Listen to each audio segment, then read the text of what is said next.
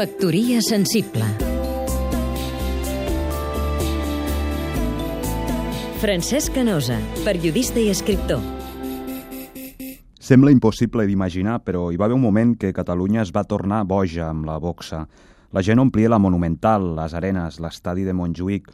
Els boxejadors eren com estrelles de Hollywood, com homes del carrer que pujaven al ring i es transformaven en supermans. Eren famosos, sortien als diaris, a les revistes, passejaven els seus triomfs per Europa. Sí, també vam ser una potència dels cops de puny.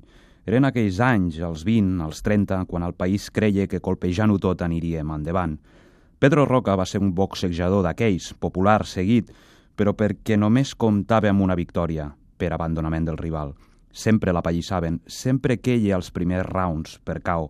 El públic reia, es divertia, i Roca no defallia, fins que li van retirar la llicència per tenir les facultats mentals pertorbades de tants cops. Es va fer escriptor. Va escriure unes memòries d'un surrealisme de ganxo que surt de dins, de boxeador a literato.